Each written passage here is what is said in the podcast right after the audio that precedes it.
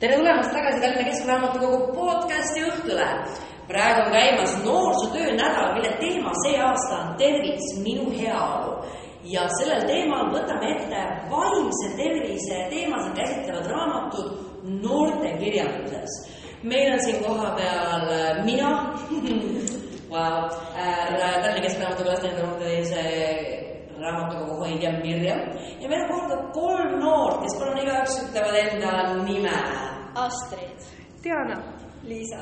aitäh teile ja ma küsin siis kõigepealt, et mida me üldse mõtleme vaimse tervisele, kui me räägime vaimsest tervisest, vaimse tervise probleemidest, nendest haigustest, kuidas teie seda mõtestate, et mis on vaimne tervis, mida te mõtlete selle all?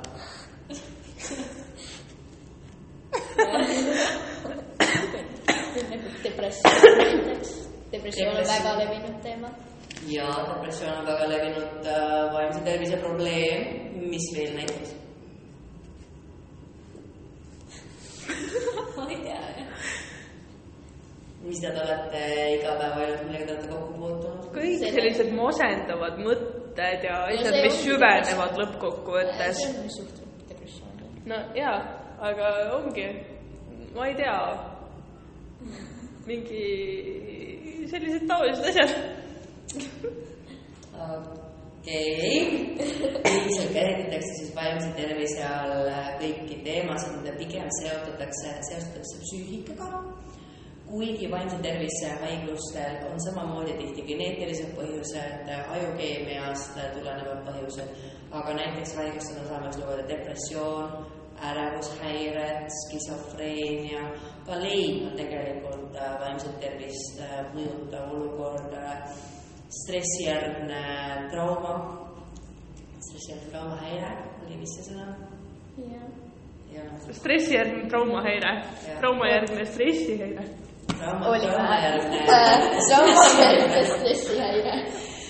On harjunud nii seda inglise keeles kuulama, et äh, post-traumatic stress disorder ehk siis PTSD, mis nagu on nii tuttav silmapilt, aga eesti keeles seda öelda nii kummaline. et kõik need äh, mõjutavad meie vaimset tervist ja ma arvan, et vaimse tervis on ka see, et kuidas me ennast tunneme. ma arvan, et see nagu kirjeldab seda kõige rohkem, kuidas me ennast tunneme ja läbi millise filtri me näeme seda maailma, muidugi see pole mingisugune teaduslik äh,, teaduslik definitsioon sellele, vaid see on see, kuidas mina seda mõistetakse, mõtestaksin, kas te nõustute sellega? üsna, jah. kas te tahaksite midagi juurde lisada? ei, kas äh, on oluline, et need vaimsest tervisest ja nendest teemadest räägitakse noortekirjanduses? jaa. jah, aga Astrid, sa vastasid jah. miks sa arvad, et see on oluline? ma ei tea, et see nagu äh, tooks inim-, nagu tooks inimesele kohale nii-öelda, kui oluline see teema tegelikult on. aga miks see on oluline? ma saan aru, et see on oluline, see on oluline, et sellest räägitakse, aga miks me peame seda nii oluliseks? Diana, Liisa? Võib-olla sellepärast, et äh, väljaspool pole nii hästi näha tegelikult, kuidas inimene ennast tunneb ja kõik see põhiprotsess käibki peas ja sa reaalselt ei näe, kui inimesel on mingi probleem, aga ta võib olla, plaanib juba ma ei tea, mis asja, mingi, on äkki üritanud juba mingi kolm enesetappu teha, kuna tal on lihtsalt nii halvad mõtted, aga tundub väljaspool täiesti normaalne inimene kas muidu ei ole normaalne No. ja, ja, ja ma saan aru, sa Terve inimene. jah, sa mõtlesid teistmoodi seda. ma arvan, et see kõige olulisem point, nii palju on ju ka seda, et äh, miks sellest peab rääkima, ongi see, et seda ei nähta. see on nähtamatu, seda ei mõisteta ja kui me sellest ei räägi, siis inimesed võib-olla esiteks ei oska endale ära tunda neid sümptomeid, et otsida abi, et see kogu aeg see masenduse tunne või ka see, et äh, kodus õue minemine tekitab halvemat hirmu ja ka näiteks et erinevad nägemused, psühhoosid, et see ei ole tegelikult äh, okei okay. ja nende vastu on vaja otsida abi ja nende vastu on abi. et see on kindlasti üks põhjus, miks on oluline kuna ta on nii nähtamatu, muidu me ei teaks üldse sellest, mida rohkem me sellest räägime, seda rohkem on meil selle kohta informatsiooni ja absoluutselt iga asjaga on see, mida rohkem on informatsiooni, seda vähem seda kardetakse, seda vähem selle kohta levib äh, nii-öelda halbu kuulujutte, valearvamusi. valearvamusi täpselt. mul, mul koputab see sõna stigma, aga ma ei mäleta, mida stigma tähendab. kas see on, kas see on siinkohal õige, mis mul nagu öelda, et stigma on seda. Et tundub, et sobib sellesse teemasse. jaa, eks ole, eks ole. reaalsus on muidugi võib-olla hoopis teine, eks me pärast vaatame. et äh, Liisa, kas sinu arust on oluline, et sellest räägitakse noortekirjanduses? jah, no sellesama pärast, et kui kellelgi midagi reaalselt on, siis ta võib-olla nagu saab teada, et tal on midagi nagu valesti ja ta oskab abi otsida. sest muidu ta võib-olla ei oskagi midagi öelda enda kohta ega midagi. võib-olla ka see point, et äh, kui me loeme raamatuid, me tihti otsime mõttekaaslasi ka raamatust. otsime kohti, kus me saame ennast ära tunda leida, et oo jaa, mul on sama jama, ma tunnen sama, et keegi mõistab mind, näed, keegi on olnud selles samas olukorras ja võib-olla kui sa võitledki depressiooniga, on hea lugeda raamatuid, mis on ka depressioonist ja inimestest, kes võitlevad samade asjadega, võib-olla leiab sealt mõtteid, kuidas sellega toime tulla, aga võib-olla sealt lihtsalt leiab ka lohutust. no mul on üks asi, et millest mu klassi, klassijuhataja rääkis, et ta tegi oma esimese klassiga mingi katse, et oli kaks ilusat õuna, ühele ütlesid ilusaid asju, teisele halbu, pärast lõikasid lahti ja see, millele halbu ütlesid, oli sees täiesti mädanenud ja kole. et nagu see, see nagu, see ei näita, kas inimene on depressioonis või mitte, nagu milline ta väljaspoolt on. Et see nagu, mis oli see, selle testi mõte oli nagu selline. seega näitas tegelikult seda koolikiusamise yeah. tulemust, kuidas, kuidas sõnad ka mõjuvad kõigele halvasti ja sa näed, inimene käib tavaliselt koolis ringi, ta igapäevadega ei ürita võib-olla kodus võita depressiooniga selle tõttu, et teda kiusatakse. mis teie arvates kõige levinumad teemad äh, vaimsest tervisest, mida noortekirjanduses kajastatakse? Depressioon on üks väga suur ja mis, lihtsalt me täna arutleme ka mõnede raamatute, konkreetsete raamatute üle ja ka nende puhul me näeme, et väga palju on just depressiooni teemat.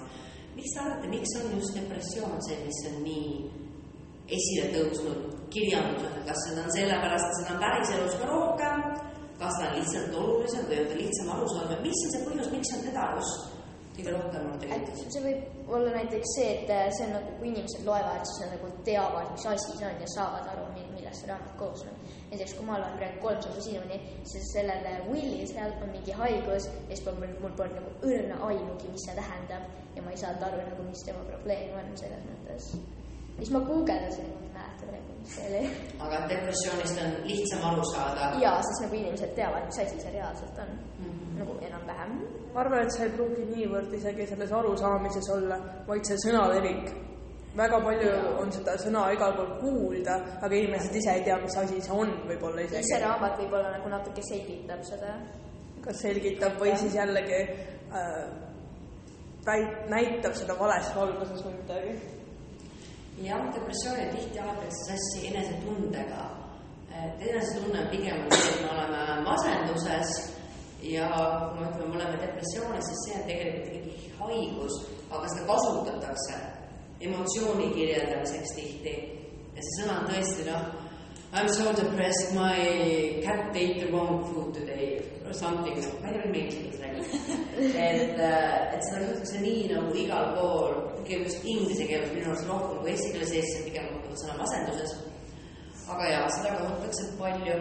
miks, võib veel olla põhjus, et miks just depressioon on levinud, Liisa, mis sina arvad? no seesama, et kasutatakse valesti, aga tegelikult ei ole midagi. et siis autorid tunnevad vajadust näidata, mis tegelikult on. jah, ja näiteks.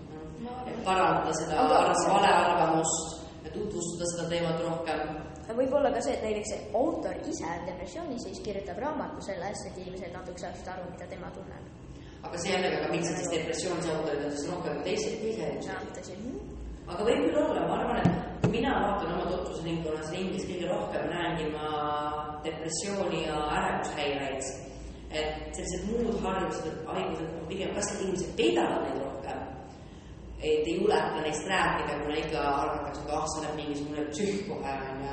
sa julged öelda, et sa oled, sul on skisofreenia või midagi sellist et aga kuidas teil on, kas, kas ka teie oma lähikondlaste seas, sõprade seas koolis, kas milliseid haiguseid, milliseid vaimse tervise probleeme teie kõige rohkem kohtate ja märkate? ma pakun, et ärevust. jaa. kas see on just siis pigem eksamitega seotud näiteks või? Äh, nagu klassi ees rääkimine või midagi sellist, siis sunnitakse. kui sa absoluutselt ei suuda, siis nagu osad hakkavad nutma, sest nad lihtsalt ei suuda rääkida.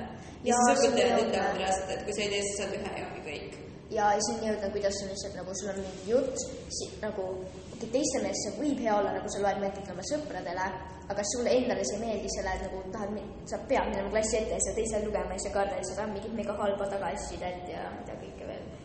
et see on jaa, hirmus. nii et ärevusest kõige rohkem. Vist küll, Diana ja Astrid nõustute sellega? Jah. huvitav ja aga samas näiteks täna meil siin raamatute seas, milleni me varsti jõuame, ei ole nii palju, ei olegi ärevust Ei ole. tekitavad raamatud ja kui ma mõtlen. sellest ei kirjutata vist eraldi, aga see nagu Mingi kui sa loed raamat- mingit noorteraamatut, siis ikkagi enamus on niimoodi, et keegi käib mingi gümnaasiumis või midagi ja siis seal on need mingi grupid, grupitööd või midagi ja siis seal ta nagu kirjeldab ikka mingi enda mõtteid. ja neid hirme, oo, aga pole teist otseselt- süda puterdab ja ja need see pole otseselt raamat nagu sellel teemal. Samas nagu ärevushäired ja nagu paanikahoogudega on minu arust nagu nii levinud, et ma imestan, sellest ei ole rohkem raamatuid. paanikahoogudega kindlasti on, aga aga ikka mitte terve raamat. ja mitte terve raamat, vaid lihtsalt keegi, kellel on seal või midagi, ühe korra või kaks korda või Ja ma ei see- tea. või siis võib olla see, et tegelasel on depressioon ja need häired veel. jaa. aga lihtsalt see, sellel ei ole seda põhirõhku, mis äh, pannakse päriselt nendele vaimsetele haigustele. nagu okei okay,, ärevus on ka päris häire, aga lihtsalt äh, see jääb kõige muu varju. kui ma nüüd praegu mõtlen eestikeelsele noortekirjanduses, ainuke, mis mul tuleb ärevusega ette, on John Greeni uusim teos Kilpkonnad alla välja, kus tegelikult põhirõhk oli obsessiivkompulsiivsed häired, aga see oli see, mis talle tekitas ärevust. et see väljendus tegelikult niimoodi ärevushoogudena. Ja see on ainuke, mis mul niimoodi pähe tuleb, aga huvitav, mind hämmastab, et seda ei ole rohkem ja kui me näeme, me saame aru, et depressiooni on palju, depressiooni põetakse, sellest räägitakse palju, me näeme seda raamatut palju, aga kui te toote välja, et miks seda ärevust ei ole rohkem, mis just keskenduks ainult ärevusele, mitte ei mainiks seda nurga otsast. no see pole võib-olla nii huvitav, et tervet raamatut kirjutada. Või et Jaa, äh, no raamatut kirjutatakse sellel eesmärgil, et sa müüd seda ju, et sa teenid raha enam-vähem. okay., kas me ei otsigi kunstilisi väärtusi, kus raamat kirjutatakse lihtsalt kirjutamise armastusest, teema käsitlemise rõõmust? no seda ka nagu mingi, ma ei tea, ma pakun, et see on pooleks enam-vähem, et osad on need, kes tahavad kirjutada ja siis on need, kes kirjutavad mingi raha eest ja põhimõtteliselt. ja siis see oleks huvitav. ja kas, aga lähmegi korra nüüd nende raamatute juurde, mis meil siin täna siin olnud, näiteks minul on üks Eesti autori raamat, Anett on kirjutanud Teaduse tulevikute lootus, kus üks poiss leiab bussipeatuse pingilt päeviku ja hakkab seda lugema ja see on ühe tüdruku päevik, kes kirjutab oma elust ja kellel on väga sügav depressioon ja võitleb sellega. see on üks niisugune ilus ja mõtlik äh, lugu, mida ma väga soovitan kõigile. Astrid, räägi, mis raamat sinul on? minul on siis selline raamat nimega Minu süda ja teised mustad augud, kus siis on niimoodi, et on äh, tüdruk Eisel ja poiss Roman ning nad kogemata saavad kuidagi kokku ning kuu aja pärast kavatsevad so, so, koos sooritada siis enesetapu. aga siis Eisel kuidagi armub Romanisse ja Eisel ei taha enam teha enesetapu, aga Roman ikkagi tahab. nii et ja käsitleb siis väga depressioon. raskeid suitsiidiprobleeme. selle raamatu puhul oli minu arust ka hästi hirmus lugeda suitsiidifoorumites, kus otsitakse siis sõpru, kelle koos ennast ära tappa. see reaalsus on minu jaoks nii hirmus, et tihti inimene pääseb ja jääb nagu, depressioon tihti on surmaga lõppev haigus. kui inimene ei leia abi, tapab ennast ära. see on haiguse tulemus. ja minu jaoks on nii hirmus, ainuke lootus ongi, kui inimene veel peab äkki kardab liiga palju. Aa, ja siis keegi aitab seda selle juures, kui inimene äkki ikkagi võib-olla paar päeva hiljem oleks leidnud abi ja sellest välja tulnud, et see on hirmus. sellest samast rääkides, põhimõtteliselt seal võib mingil määral seda ärevust sealt välja võtta, sellepärast et ta ei julge üksinda seda teha.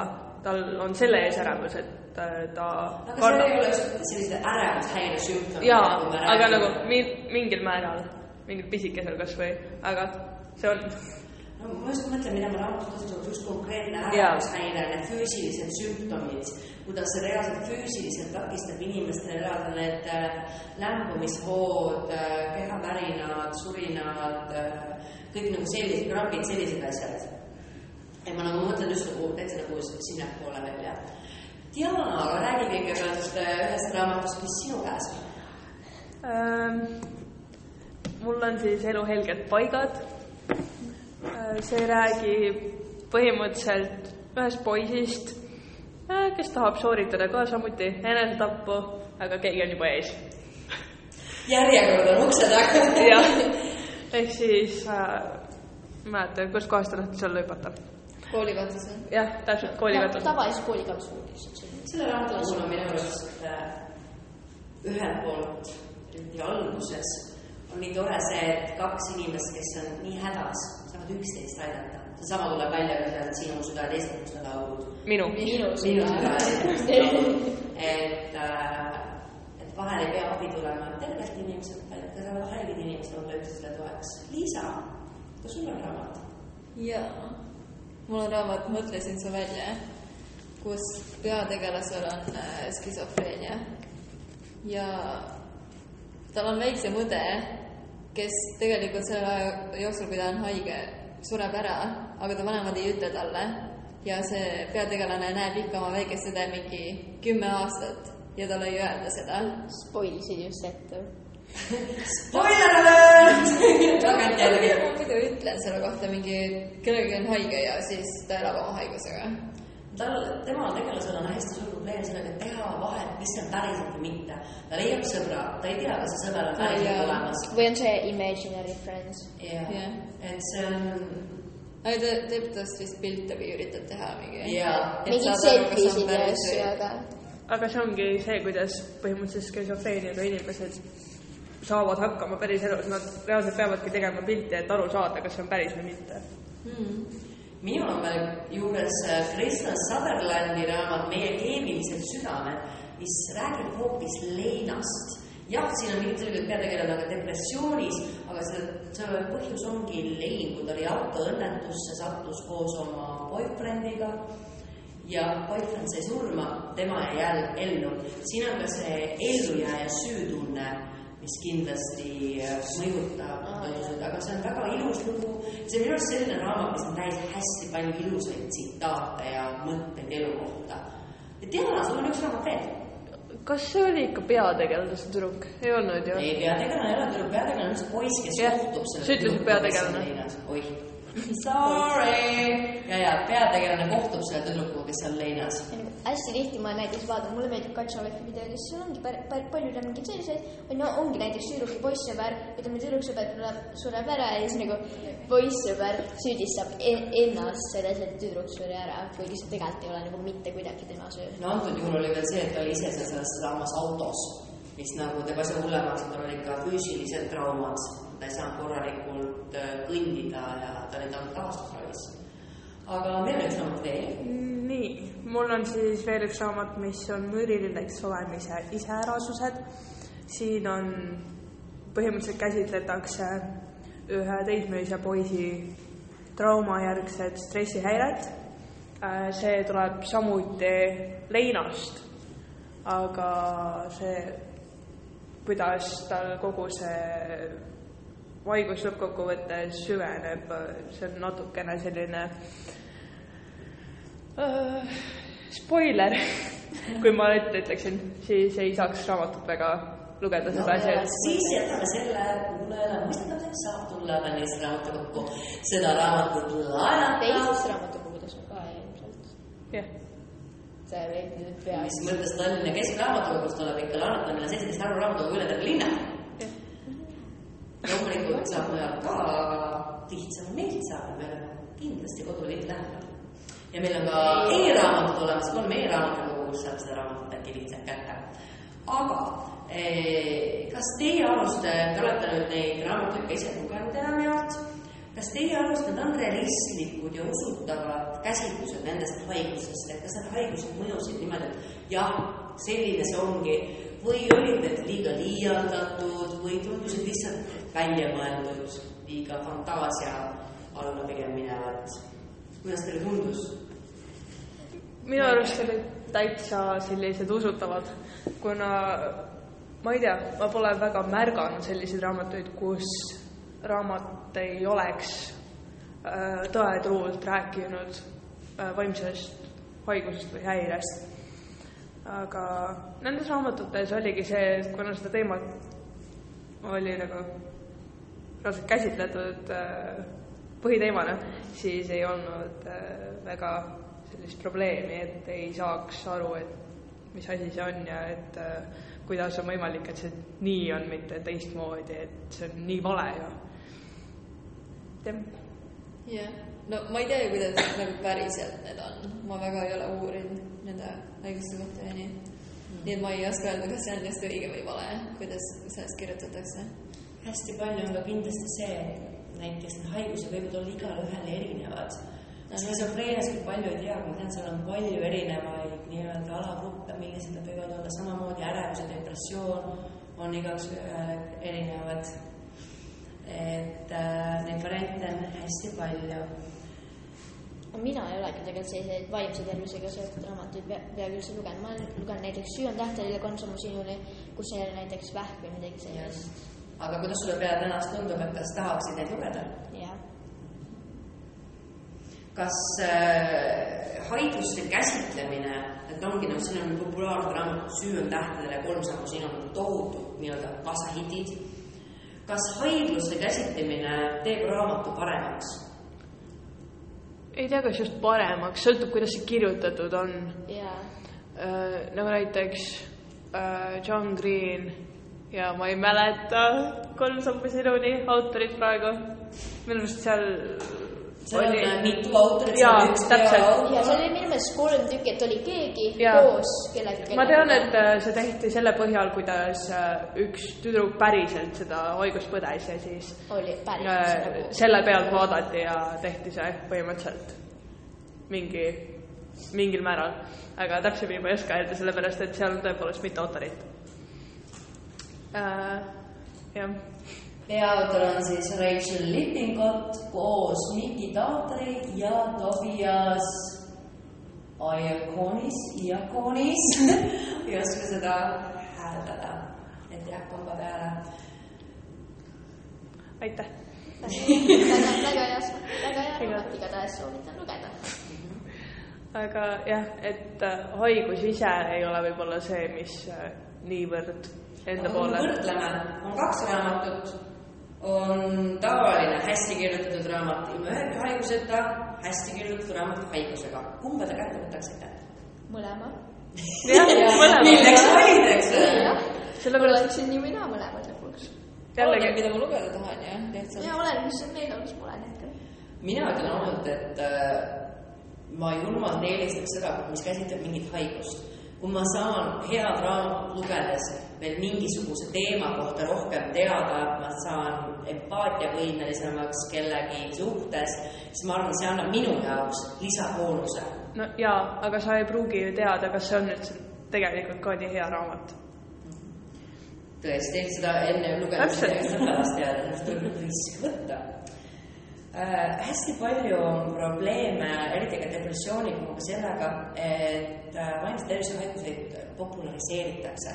et see on popp asi olla haige, on popp hashtag mul on depressioon, eks ole äh,. kas teie arust on see ka nii? jah, tänaval koolis igal pool sa päriselt näed ka seda, kuidas inimesed ütlevad, oh, ma olen nii depressioonis lihtsalt, aga nii paljudelt inimestelt on seda pealt isegi näha tegelikult, et see ei ole nii hull, kuna neil on ma ei saa tegelikult täpselt öelda ju, et kas inimesel on see haigus või mitte, aga tundub, et seda sõna visatakse niisama õhku ilma mõtlemata. sellel ei tundu päriselt mingit tagamaad olevat, et äh, sa seda sõna ütled. kuna äkki on päris inimene, kellel ongi see haigus kohe sul kõrval, aga sa oled lihtsalt nagu noh, mul on niisugune depressioon, aga too inimene on, mõtleb seal oma halbu mõtteid edasi ja on lihtsalt tihti need, kellel see on, ei julge üldse rääkidagi sellest. samas kindlasti, kindlasti ma usun, et on seda populariseerimist ja seda niisama seda sõna õhku viskamist. samas ei tasuks ka kindlasti äh, maha nullida seda, kui keegi tuleb ja ütleb, et mul on depressioon. võib-olla ta ütleb seda niisuguse suvalisel hetkel ja tundub nagu lambikalt ja naljaga, aga võib-olla see on tema viis teha see appikarje et öelda seda niimoodi, ja, ja ma olen nii depressioonis ja tegelikult ongi. tundub, et ei oleks, aga tegelikult on. et äh, kindlasti populariseerimist on, aga tuleb olla alati ettevaatlik. aga kuidas nagu teie arust mõjutavad seda raamatut, et kas see, et raamatutes seda teemat nii palju käsitletakse, pigem tekitab juurde seda olukorda, et neid sõnu ja haigusi visatakse niisama õhku ilma nende sügavuti mõtlemata nendele sisule või pigem vastupidi, kui inimene loeb selle raamatu depressioonist läbi ja näeb, milline õudus see tegelikult on, siis ta äkki ei ülekasuta seda sõna nii väga. sõltub, milline on lugeja ise. kui ta on teadlik sellest, et see võib tõepoolest olla nii hull, nagu see raamat näitab, siis ta ei hakka seda kuidagi populariseerima. aga jah, tõepoolest, ainult inimesest endast sõltub. sa ei saa öelda, kas see inimene hakkab seda raamatu infot hästi või halvasti käsitlema. minu arust äh, nende raamatute pluss on väga palju ka see, et noh, nad aitavad meid mõista, mõista olukord, inimesi olukordas, mida me ei saa ise läbi elada, et noh, loodetavasti me ei pea ise kunagi skisofreeniat läbi elama, aga raamat aitab meil mõista. kas see annab teie arvates näiteks nippe, kuidas olla toeks neile, kellel on raske, kes võitlevad mõne vaimse tervise probleemiga? ma arvan küll. olete te saanud mõne nipi, näiteks kuidas, mis teie arvate, kuidas aidata ja olla toeks inimestele? näiteks kui sa tead, et depressioonis, siis nagu näiteks seal ei ole lihtsalt ühtegi sõpra, siis sa saad siis minna olla nagu hei, et nagu sul ei ole sõpra, et äkki tahad, ma olen sinu sõber. või nagu mitte päris niimoodi, aga nagu, et sa aga miks mitte, ma olen läinud niimoodi, mina sain lasteaias niimoodi sõprade istun lihtsalt tüdruk juures. kas sa hakkad mu parimaks sõbrannaks?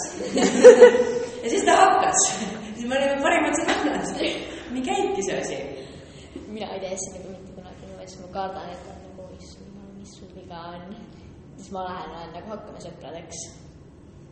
aga võib-olla peaksid proovima.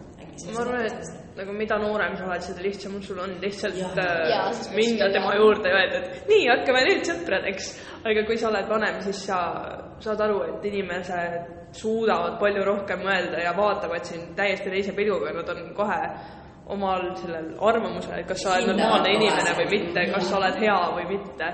ja aga kuidas saaks olla toeks veel neile, kellel on raske? pakkuda oma sõprust. ja üks asi, mida ma arvan, mida ei tohiks vähemalt teha, nagu sa lähed natukene võib-olla teemast mööda, ei, aga oluline. et äh, sa ei saa öelda lihtsalt, et ole õnnelikum. ära ole depressioonis põhimõtteliselt, mõtle siis. ja ära karda esineda klassi ees. Jaa. tee tole. ära näe nägemusi. see on Jaa, nii vastik kuna ma ise olen seda raamatutest nii palju lugenud ja ma tean seda natuke omast kogemusest sõprade pealt ja see on nii vastik, kui sa tead seda, et äh, inimene ju tegelikult ei saa mitte midagi selle vastu teha, aga talle lihtsalt öeldakse seda ja ta peab lihtsalt äh, vahtima põhimõtteliselt ühte seina ja olema nagu mhmh, olgu, ma siis üritan tule lihtsalt välja, issand, tule lõbutse meiega, ära istu kogu aeg siin toas, sul ei hakkagi parem. ja nii edasi. ja nii on, kindlasti, ehk siis ürita lihtsalt aru saada, et tal on see ja ära ürita Et- seda muuta nii kergesti kui ta ise nagu sellest välja see- ei tule. ürita võib olla mõista, mitte, oota, sellepärast tegelikult mingi ilgelt hea lause. ürita Nagu- mõista, mitte hukka mõista. Nagu sa võid, sa võid üritada tegelikult teda nagu rõõmsamaks teha, aga see ilmselgelt ei tööta, et sa oled nagu, ole nüüd õnnelik, palun. Mina näiteks saaks pigem nendest mingeid naljakaid pilte, mingi video, kus koerad kukuvad kõik järjest onju, mingi kutsikad, pandad Jaa. mingi siuke asi, sa tegelikult ütled selle video saatmisega sama asja, ole õnnelik, aga samas talle annad talle vahendi, kuidas Kuidas see õnnelikkus saavutada. aga suur aitäh teile, et te tulite arutlema sellel olulisel teemal. ma loodan, et nii siin kohalolijad kui ka kuulajad leidsid mõne raamatu võib-olla, mida lugeda ja saada rohkem teada erinevate vaimse tervise teemadest. ja kohtumiseni juba kuu aja pärast. aitäh